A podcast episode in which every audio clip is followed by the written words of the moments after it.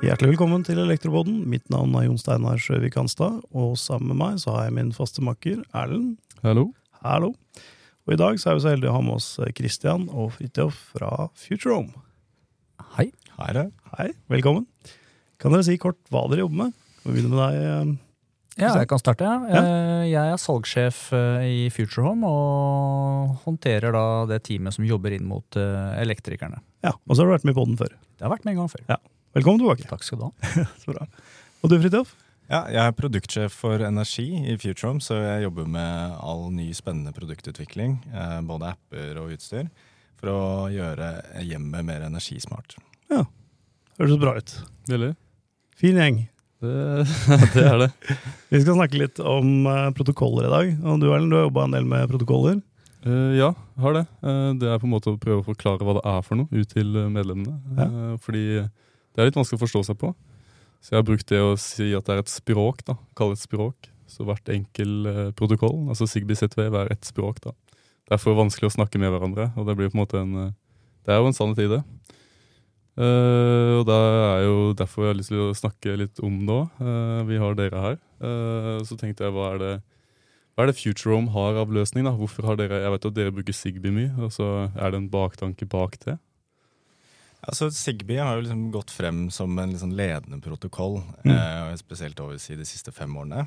Eh, før vi hadde Sigby, så jobbet vi hovedsakelig med Z-Wave-produkter. Ja. Som er egentlig litt sånn tilsvarende, jobber på et eh, annet frekvensbånd enn Sigby.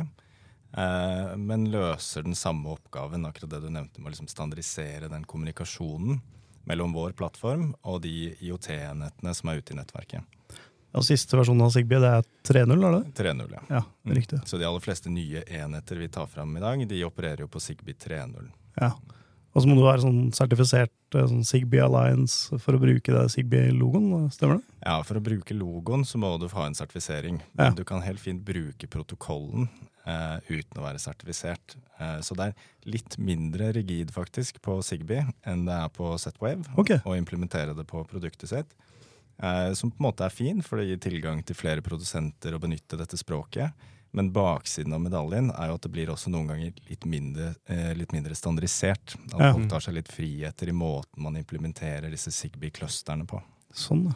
Ja, stemmer. Eh, så har de jo mye ulike hva skal jeg si, andre fordeler og ulemper. Det er kanskje Z-Wave og Sigby som er liksom de to store, da, hvis du ser på rent sånn um, smarthusmessig. Da. Um, da har jo jeg testa litt ulike ting. Eh, og det er jo interessant å se på forskjellen, særlig på batteritid da, eh, og sånn. Um, og hvor trege slags raske de er. Eh, sammenligning, da.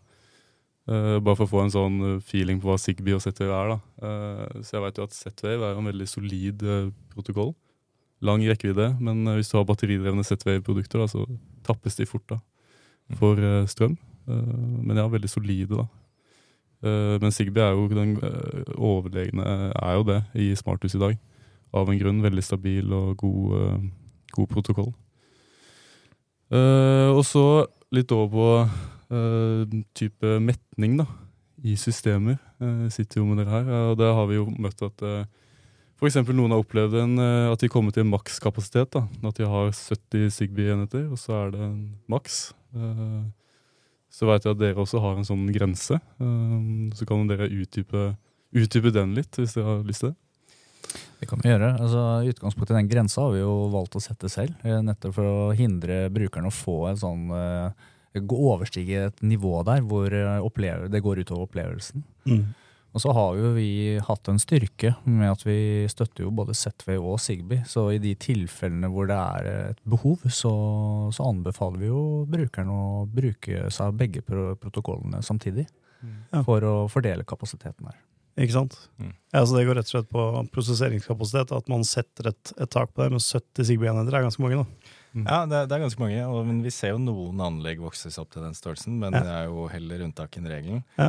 Eh, men hver av disse protokollene og disse radiochipene da, som ligger på vår smarthub, bygger sitt eget mesh-nettverk. Så Mm. begrensningen ligger egentlig innad i den eh, radiochipen og det nettverket. Prosessorkraften på selve huben den er mer enn tilstrekkelig til å håndtere all den datatrafikken. Å ja, ok. Ja, Da lærte jeg noe nytt. Så det er den som, eh, som begrenser det, altså? Ja, i stor grad det. Ja, ok. Ja, Mm. kult. Ja, det er viktig å få fram. Fikk Mange noen- tror at uh, det er lagringskapasiteten som er problemet, men Mm. Altså For hver generasjon vi har lansert uh, nye smarthuber, så Mm. har vi som regel doblet både prosessorkraft og lagringskapasitet. Mm. Og nå har vi kommet til et punkt hvor vi på en måte har mye mer kapasitet enn det vi trenger for å ha sånn future-proofness. Mm. Uh, så begrensningen ligger i stor grad på radiosettet og det Mesh-nettverket som bygges. Så som Kristian var inne på, da, så hvis du når det metningspunktet på enten Zigbee eller Z-Wave, Mm. så har du egentlig masse kapasitet igjen på den andre protokollen. Så Ja. du kan videre bygge ut anlegget ditt da, med enten Z-Wave eller, Zigbee-enheter. Det er riktig. Kult. eh, uavhengighet. Så du kan på en måte ha godt over 100 enheter, da, med andre ord, fordi at de er individuelle chipper. Riktig. riktig. Så vi ser jo noen anlegg vokse seg opp i den størrelsen. 100-120, kanskje til og med 140 enheter. Mm. Eh, veldig ofte så går det bra. Noen støter jo på litt utfordringer, og det Mm. kommer jo veldig an på de lokale forholdene. Altså hvordan bygningsmasse er det? Er det trevegger, eh, gips, eller er det betong med armert jern? Hvor lange er avstandene, eh, og hvordan er egentlig liksom dette Mesh-nettverket bygget opp fra huben og utover? da? Da dukker det opp et spørsmål som vi diskuterte her, eh, Erlend. Mm. Og det er dette med rekkevidde. Du har meshing, ikke sant? sånn at eh, disse enhetene snakker med hverandre og forsterker signalet. Men fins det noen måte å måle signalet på? På en enkel måte? Altså Jeg har en sånn wifi analyzer-app på telefonen min. Jeg regner med at det er noen form for kryptering på, på disse signalene når du kjører, kjører Zigbee. Men er det noen sånn måte jeg kan gå rundt og sjekke at jeg får Zigbee-tilgang? holdt jeg på å si? For jeg har jo stått nede i garasjen og banna og sverta å få noen enheter til å snakke med noen som står eh, to etasjer opp. Og det hadde vært greit å sette om liksom, er det den enheten, er det jeg som gjør noe feil, eller går det an å måle noen form for signalstyrke? da? Mm, og det, det gjør vi allerede. Altså, du har en eh, DBI, som er liksom måleenheten for signalstyrke. Ja. Og den har vi egentlig informasjon om i vårt system. Ja, mikro-DB. Ja. Ja. Og, og vi, eh, vi eksponerer jo den egentlig bare liksom en enkel form inne på, på device data, hvor det står er signalstyrken god, OK, dårlig eller helt fraværende. Ja. Eh, bare for å forenkle det litt, egentlig. Riktig. Men i vår eh, backend så har vi ganske mye informasjon om dette. Og vi har jo lekt med tanken Christian, å bygge noe verktøy, spesielt kanskje for installatørene. da, Ja. Og få et slags sånn dekningskart som de kan bruke under oppsett av disse installasjonene. Det ønsker vi oss. Ja. Det vil jeg ha. Og rett og slett kunne gjøre en sånn signalstyrketest, da. Ja. Sånn at man vet at det er tilstrekkelig. Ja, for Jeg har en sånn app på telefonen som heter Wifi Analyzer. Da kan jeg se ok, jeg har 2,4 og 5, G, 5 GHz nett hjemme. Og så kan jeg se ok, hva får jeg her, hva får jeg her, og hvor god dekning har jeg på, på Wi-Fi-en. Og det å kunne gjøre en sondering, da, for det er ikke alltid at du har 40 Sigby-enheter som mesher opp i et hus, og du må liksom begynne et sted. Så det ønsker vi oss. Mm. Det skal vi absolutt ta med oss tilbake. Det er bra. Eh, Vi tenker at det kan være verdifullt. Vi prøver å legge igjen noen sånne små nudge til alle som er her, på, på ting vi ønsker oss. Vi begynner å nærme seg jul, så er ikke det greit, Erlend? Jo, det er jo det. Eh, for det er jo som jeg sier at du skal jo, Vi skal jo levere en eh, funksjon, ikke bare produktene. Eh, så det må være funksjonalitet mellom produktene. Da er spørsmålet hvor skal denne repeateren eventuelt stå. da? Eh, og Det er jo, hadde vært fint å måle. da. Hvis det, hvis det er behov for repeater i et sånt Zigbee-system, hvor, Mm. hvor skal du plassere den? Så skal det være greit å merke seg at En repeater er jo egentlig en hvilken som helst eh, Zigbee-enhet som er eh, Mm. på fast strøm, ikke på Mm. batteri. Eh, I teorien, noen av de er ikke så gode på mesje, eh, men det er sånn det skal funke. Ja. Eh, så hvis du da f.eks.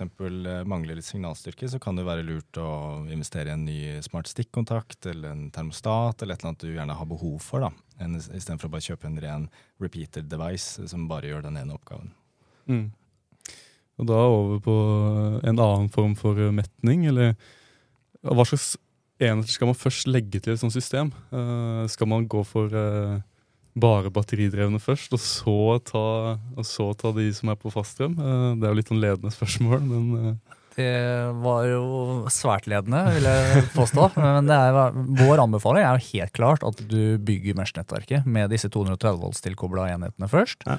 Og sørge for at de er oppe og går stabilt, før man begynner med ting som har, eh, er batteridrevne, eller eventuelt en sånn type Han-sensor også, som eh, jo er drevet av denne eh, spenningen og strømmen på Han-porten. Ja, De sant. mesher jo ikke og har en helt annen rekkevidde enn de eh, 230 volts tilkobla enhetene. Mm, og så kan jeg jo legge til også at det er lurt å begynne nærme gatewayen, Mm. og så bygge seg utover. Mm. Da bygger du jo på en måte dette fundamentet for Mesh-nettverket. Og så vil det jo, uansett hvilken rekkefølge du gjør ting, eh, skje en form for sånn rekalibrering. Når nettverket får nye enheter, nye mesh-enheter, så finner den automatisk nye ruter. Og liksom Mm. de optimale mesh-rutene. Ja. Mm. Så du fjerner eller legger til, så endrer den topografien. Ja, riktig. ja. Mm. Kult. Jeg eh, leste om den første Homey-versjonen, første Homey Pro. Eh, At det var et problem flere hadde. At de, eh, de på en måte Den hadde et maks antall på direkte tilkoblinger. da. Så var det noe sånn 15 direkte tilkoblinger. Eh, Så hvis du da tok 15 batteridrevne enheter, så fikk du maks 15 batteridrevne i ditt smarthus. da. Mm. Fordi da kunne du ikke legge til Da var det ingenting som eh, lagde et mesh-nettverk da, som var kobla til din sentral. Eh, så det er, en, det er et bra tips, ja. At, eh, start med dere som er, eh, går på 230. da. Mm. Det er- der er sånn erfaring som vi har eh, sett også. Det er jo mange som har brukt andres eh, produkter inn i vårt system, i og med at vi en, eh, har en åpen løsning. Og det er jo spesielt innafor det med styring av vannbåren varme. Så er jo det er litt sånn fiffig greie, for at der er det gjerne få 230 volts tilkobla enheter. Gjerne Ja. bare i, i gullvarmeskap. Og så benytter de trådløse termostater. Og det kan være mange.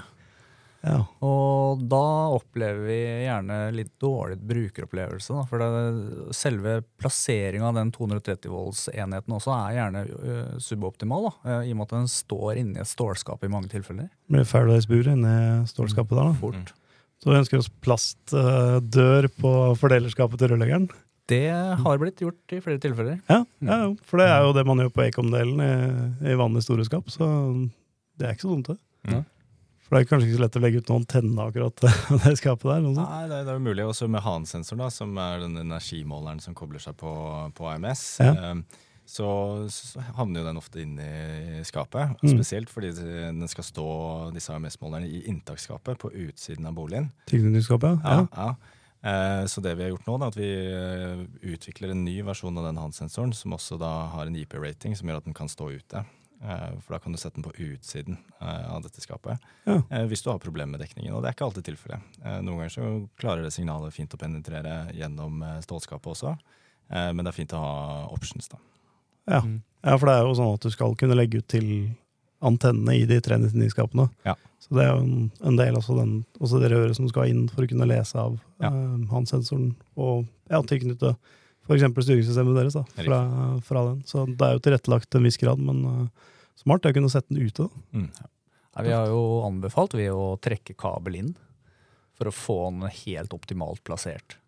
Mm. Men det er jo, det har vi jo merka, at det har vært en overgangsperiode der. eh, Hvor eh, ikke sant, nå som det er krav om dette røret, for en periode som det sikkert har vært anbefalt, men det har ikke nødvendigvis blitt gjort. Så det er ikke alltid det lar seg sånn rent fysisk gjøre å trekke den kabelen inn nå. Nei. Nei, det er jo sånn i forhold til uh, I forhold til standardene, hvis jeg husker rett, så har den vært der hele, hele tida. Men så er spørsmålet hva man har gjort, da. Det, Det- kan jo ikke jeg si noe om. Men det, det var hele poenget, var at du kunne lese av med et display, da. Men like gjerne legge en kategorikabel og få, få den inn, da. Eh, cable is king, i med sånn, eh, sånn sammenheng som det der. Helt klart, og det er mange kreative plasseringer av disse TKS-skapene. De, det, er, det er ikke nødvendigvis noe du vil ha ved siden av inngangsdøra, så det ble gjerne plassert lengst bort hjem til en liten avkrok.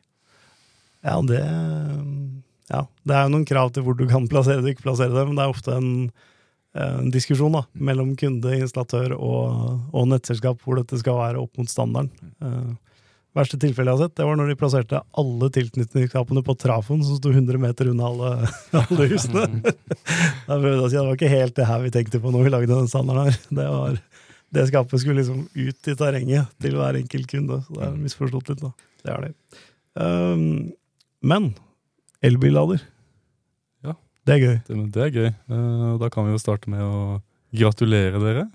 Kan du si det? Jo, takk for det. det nå er det hårfint nærme slipp av lader inn til grossistene. Kult. Eh, Det har vært et, et intensivt eh, år hvor vi har drevet utvikla denne laderen. og det, det blir jo en milepæl for Futurom å slippe denne laderen, eh, som jo blir markedets første smarthuslader, kan du si. Ja.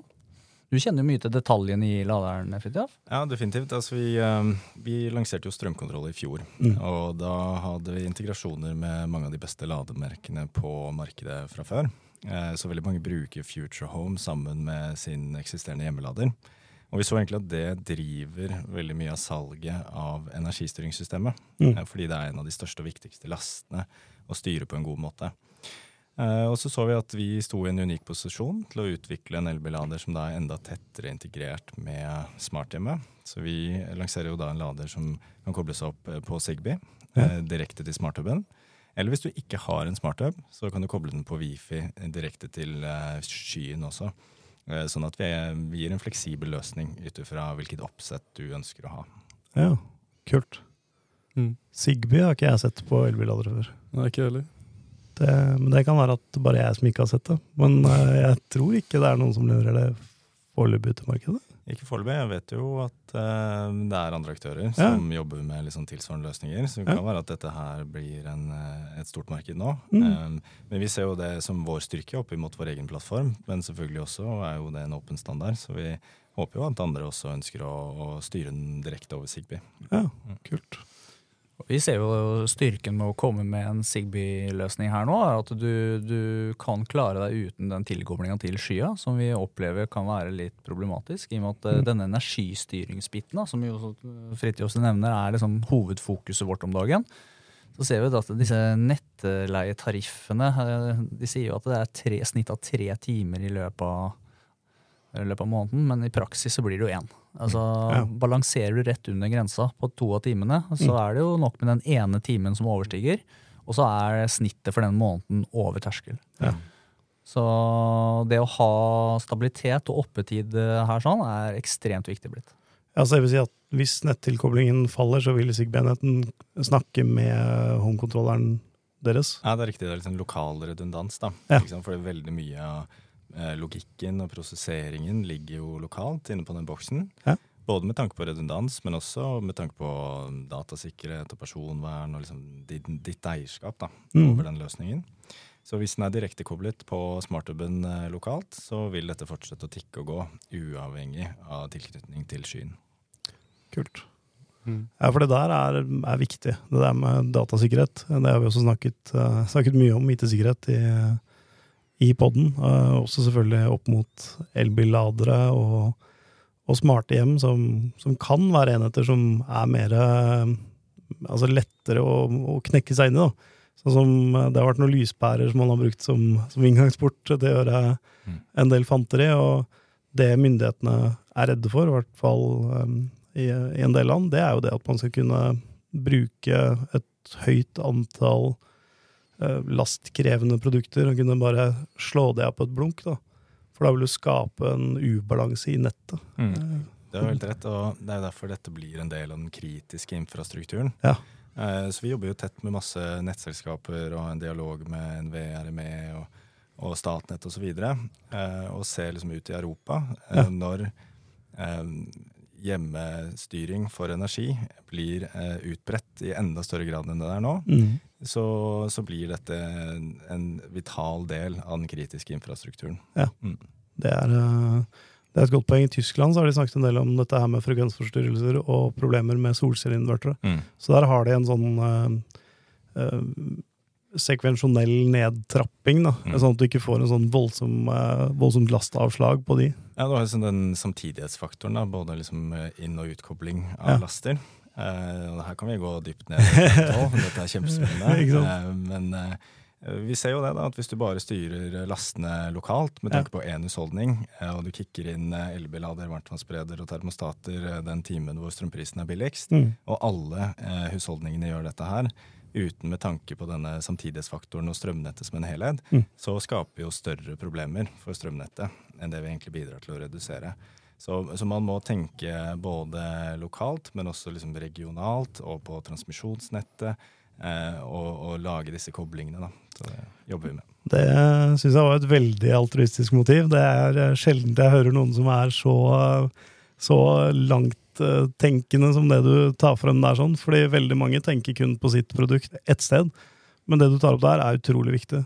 Fordi Hvis man lokalt da kun begynner å styre på økonomi, for eksempel, så kan du lage uendelig mye trøbbel i nettet. Så man må ha litt mer noble motiver enn kun økonomi hver enkelt hver for seg. Ja.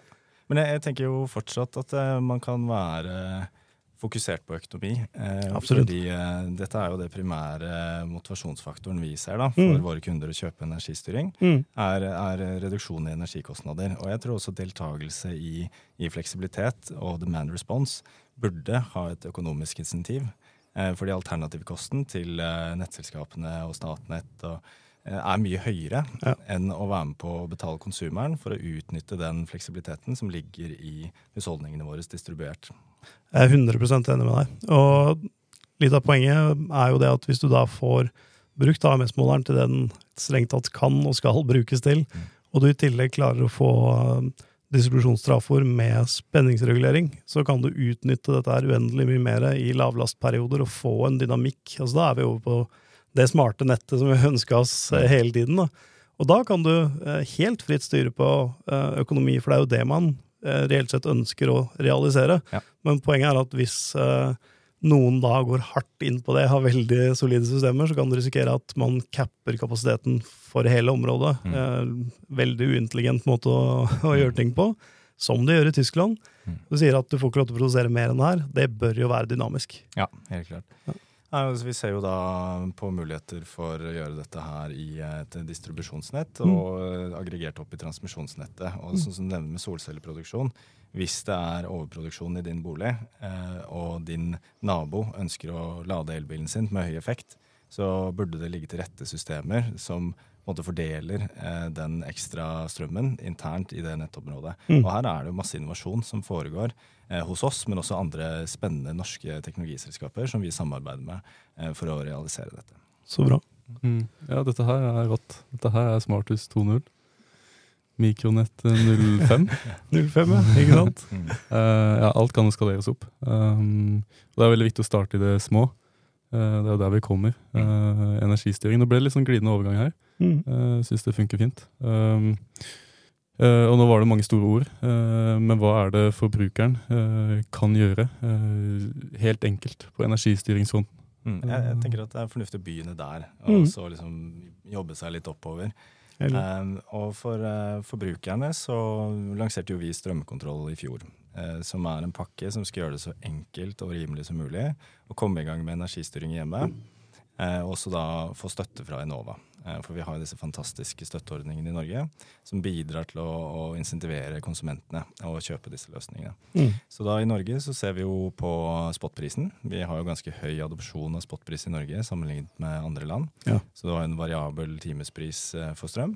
Og så innførte vi jo da nye nettariffer i fjor, em, som belønner deg, men også straffer deg i forhold til eh, hvor mye energi, altså disse energitoppene i realitet, per time du forbruker. Mm.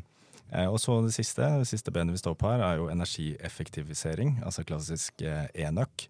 Reduksjon i det totale forbruket. Hovedsakelig gjennom oppvarming, eh, og ikke sløse på den energien som går inn til oppvarming.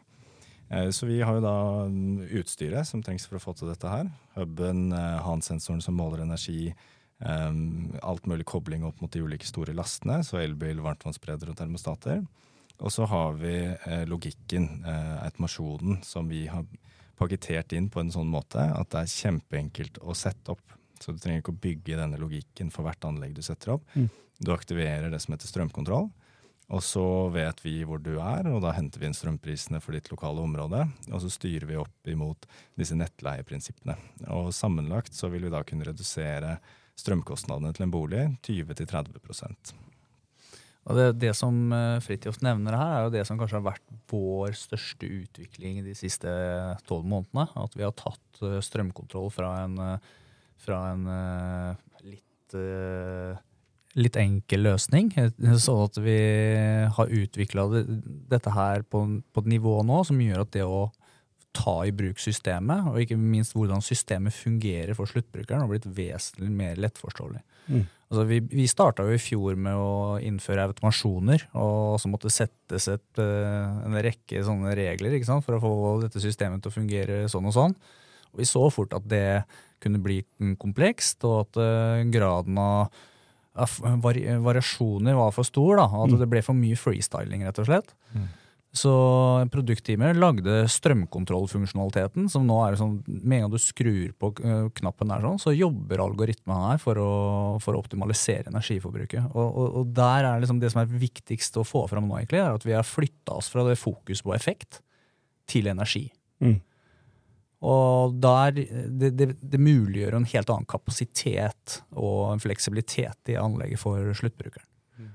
Så vi tillater jo høye effekttopper, men vi styrer på, på, på en terskelverdi på energiforbruket per time.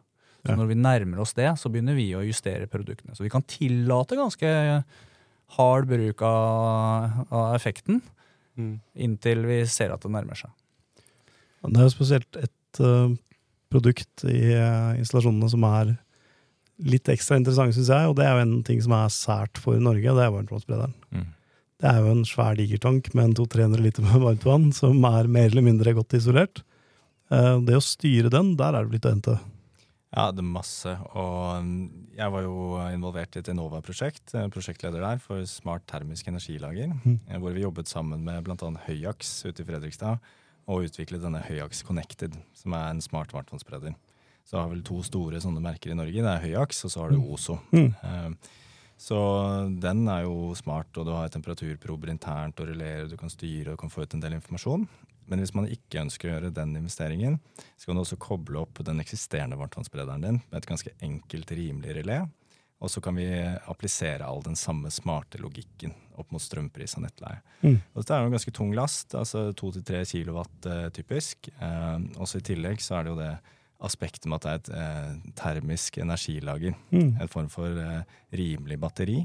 Så hvis du fyller opp den eh, med varmtvann de timene hvor det er rimelig strøm, eh, så har du masse overskudd de timene hvor det er dyrt. Ja. Og dette er et kjempegodt prinsipp. Ja, for du har den der fleksibiliteten i forhold til uh, at du ikke skal dusje i kaldt vann, men Mm. samtidig så trenger du ikke å varme det opp med en eneste gang. Så se det opp mot uh, Ja. strømprisen. Ja, det er ikke sant. Så normalt sett, da, hvis du har en familie på tre eller fire og dusjer om morgenen og tømmer den tanken, så Mm. vil den jo kicke inn med en gang og begynne å varme opp. Mm. Uh, men det skjer jo med alle andre varmtvannsberedere også, Mm. rundt omkring i, i Norge. Eh, så alle den der samtidighetsfaktoren gjør jo at eh, prisene gjerne presses opp i de timene. Mm. Men så drar jo du på jobb, og barna går på skolen eller barnehagen. eh, Og da kan gjerne den varmtvannsbrederen vente litt med å varme opp til de timene hvor det er rimeligere. Ja. Og dette skjer jo automatisk. Du har jo ikke tid til å følge med på dette her og koble den inn og ut. Så derfor så vil den styringen håndtere det. Ja, Det samme vil du ha, kunne ha i et termisk gulv, eller et termisk gulv, et gulv med varmekabel. Ja. Eh, hvis den er lagt riktig i eh, termomasse, så har du jo en fin lagrings, fint lagringsmedium der òg. Ja, Spesielt hvis det er betonggulv, så kan det holde veldig lenge på varmen. Eh, og litt sånn eksperimentelt akkurat nå, så ser vi jo på hvordan kan vi detektere de termiske egenskapene til et rom. Ja. Eh, sånn at vi kan faktisk informere systemet om hvor lang tid det tar å varme opp et rom, og hvor lang tid det tar før det blir avkjølt. Eh, Ja. Så det kan vi bruke til å gjøre varmestyringen litt mer intelligent, f.eks. Kult. Litt læring av hvordan rommet oppfører seg. Mm. Det er stille. Ja, for det, det er ikke alle steder at varmekabelen ligger sånn fem centimeter eller tre centimeter ned på støpen. Det er noen som har lagt den godt nedi såla, for å si det sånn. Så greit å vite litt om det òg. Mm. Altså, utover det så har man jo andre ting som uh, kanskje glemmes litt av, da. Men uh, radiatorer, Uh, sånne fjernvarmeanlegg eller sentralfyr. Mm. Der altså er det jo gode systemer for, eh, for faktisk å få opp disse i uh, smarthusene. Uh, ved å ha sånn automatisk styring av de eh, og dumme ovnene, som eh, man kan si er dumme, sånn som en varmtvannsbereder har vært. da. Eh, For alle har en sånn manuell vribryter, som nå kan bytte ut med automatisering. Uh, har testa det litt, og det funker veldig bra. Og Da er det veldig lett å måte få oversikt over varmen i boligen din. da.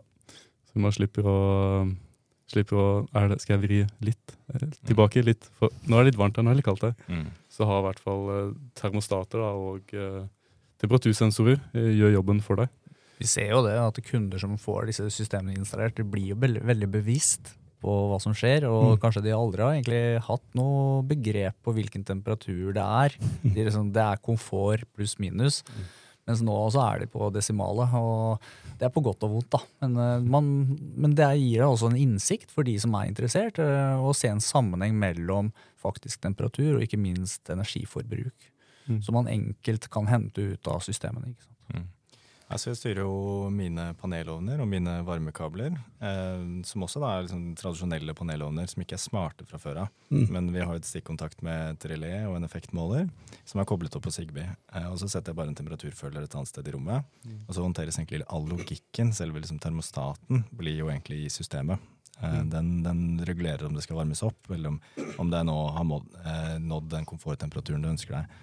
Og så legger man jo opp en eh, slags eh, schedule, så om natten så trenger jeg ikke å ha det like varmt. Eh, det kan jeg spare noen kilowattimer der, Mm. og mens jeg er på jobb.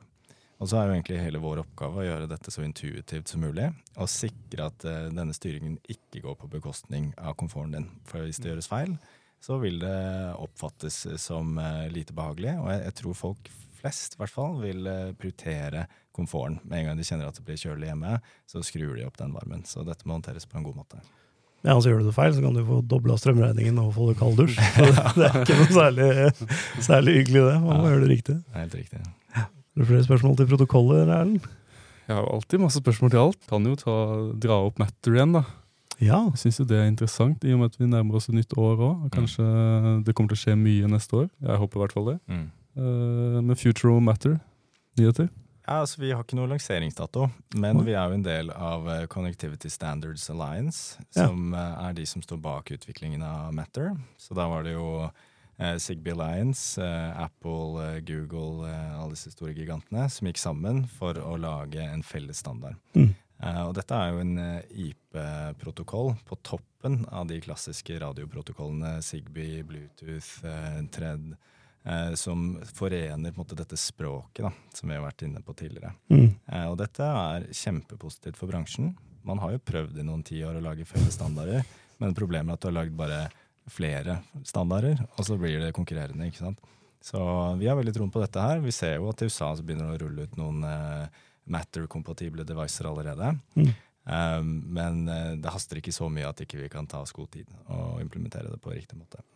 Synes det hørtes eh, fornuftig ut. Det er jo sånn, Apropos standardisering, går inn til hvert møterom, så ligger det alltid sånn kladd med forskjellige overganger. ja. Det er jo standardiseringens største fallitt, så det er greit å ikke lage nok en, eh, nok en standard. Ja. Men jeg syns det du sier om at de store gigantene står bak, det er noe som i hvert fall jeg får eh, troa på det når jeg ser sånne navn som, som Apple og Google og Ja. de store, de feite gigantene. Litt mer kredibilitet, Ja, ja. det gjør det, altså. Mm. Det gjør det. Så tenker jeg at uh, kundegruppa vår er jo tross alt eh, alle fagfolka. Da. Så det er jo viktig at de får en standard nå som ikke er prematur. At eh, den er gjennomtesta, og Mm. vi vet at det her er skikkelig pålitelige ting før, eh, før vi begynner å mate det fullt ut i kanalen. Mm. Ja, det er et godt poeng. Altså, ting må funke. Det blir fort eh, en dårlig stemning hvis ting ikke funker. Hvis du ikke får på lyset, eller det blir kaldt i et rom. Eller, ja. Ikke sant? Vi har jo vært med på utviklingen av Z-Wave og Zigbee og disse protokollene og på godt og vondt. da. Mm. Eh, og nå er vi jo med å påvirke på utviklingen av Matter. Eh, men vi skal nok la det modne seg litt. Grann. Eh, Mm. men det som kan sies at huben vår er jo klargjort for Matter. Det er snakk om en eh, softwareoppdatering som vil komme på et eller annet tidspunkt. Eh, og så vil den være kompatibel. Så bra. Mm. Ja, Det viktigste er at de som skal bruke det her, skal få det enkelt og greit. Så slippe å sette seg altfor mye inn i det her. Mm. Um, så det er jo håp at, uh, at Matter kommer til å gjøre det. da. Ja, absolutt. Det er det. Enkelt, greit og funker over tid. Da er vi, da er vi på nett. Jeg klarer jo å tenkt på dette med energi også? Så du har jo en del av Matter som heter Matter Energy, som skal standardisere mye av dette, hvordan energidata rapporteres, og liksom formatet og frekvensen på det, eh, og gjøre det lettere å bygge eh, Kall det liksom eh, home energy management eller smart grid-kompatible enheter da, inn i denne IOT-sfæren. Mm. Så det er jo noe jeg syns er spesielt interessant. Eh, og jeg håper at det liksom baner litt vei da, for at eh, den adopsjonen går på en eh, litt eh, enklere måte enn det man kanskje så på Smarthjem 1.0, kan du si. da. Mm. Kult. Veldig. Um, jeg tror vi runder av for i dag. Ja. Ja. Nå har vi fått snakka litt om protokoller og litt av hvert. Men uh, jeg vil gjerne invitere dere når den elbilladeren er lansert på markedet. Ja, da kommer vi gjerne og prater mer om den. Det er jo ikke så lenge til. Så kult. Mm. Da gleder vi oss til det. Da sier jeg tusen takk for i dag. Takk for at jeg kom. Ja, takk, for meg. takk.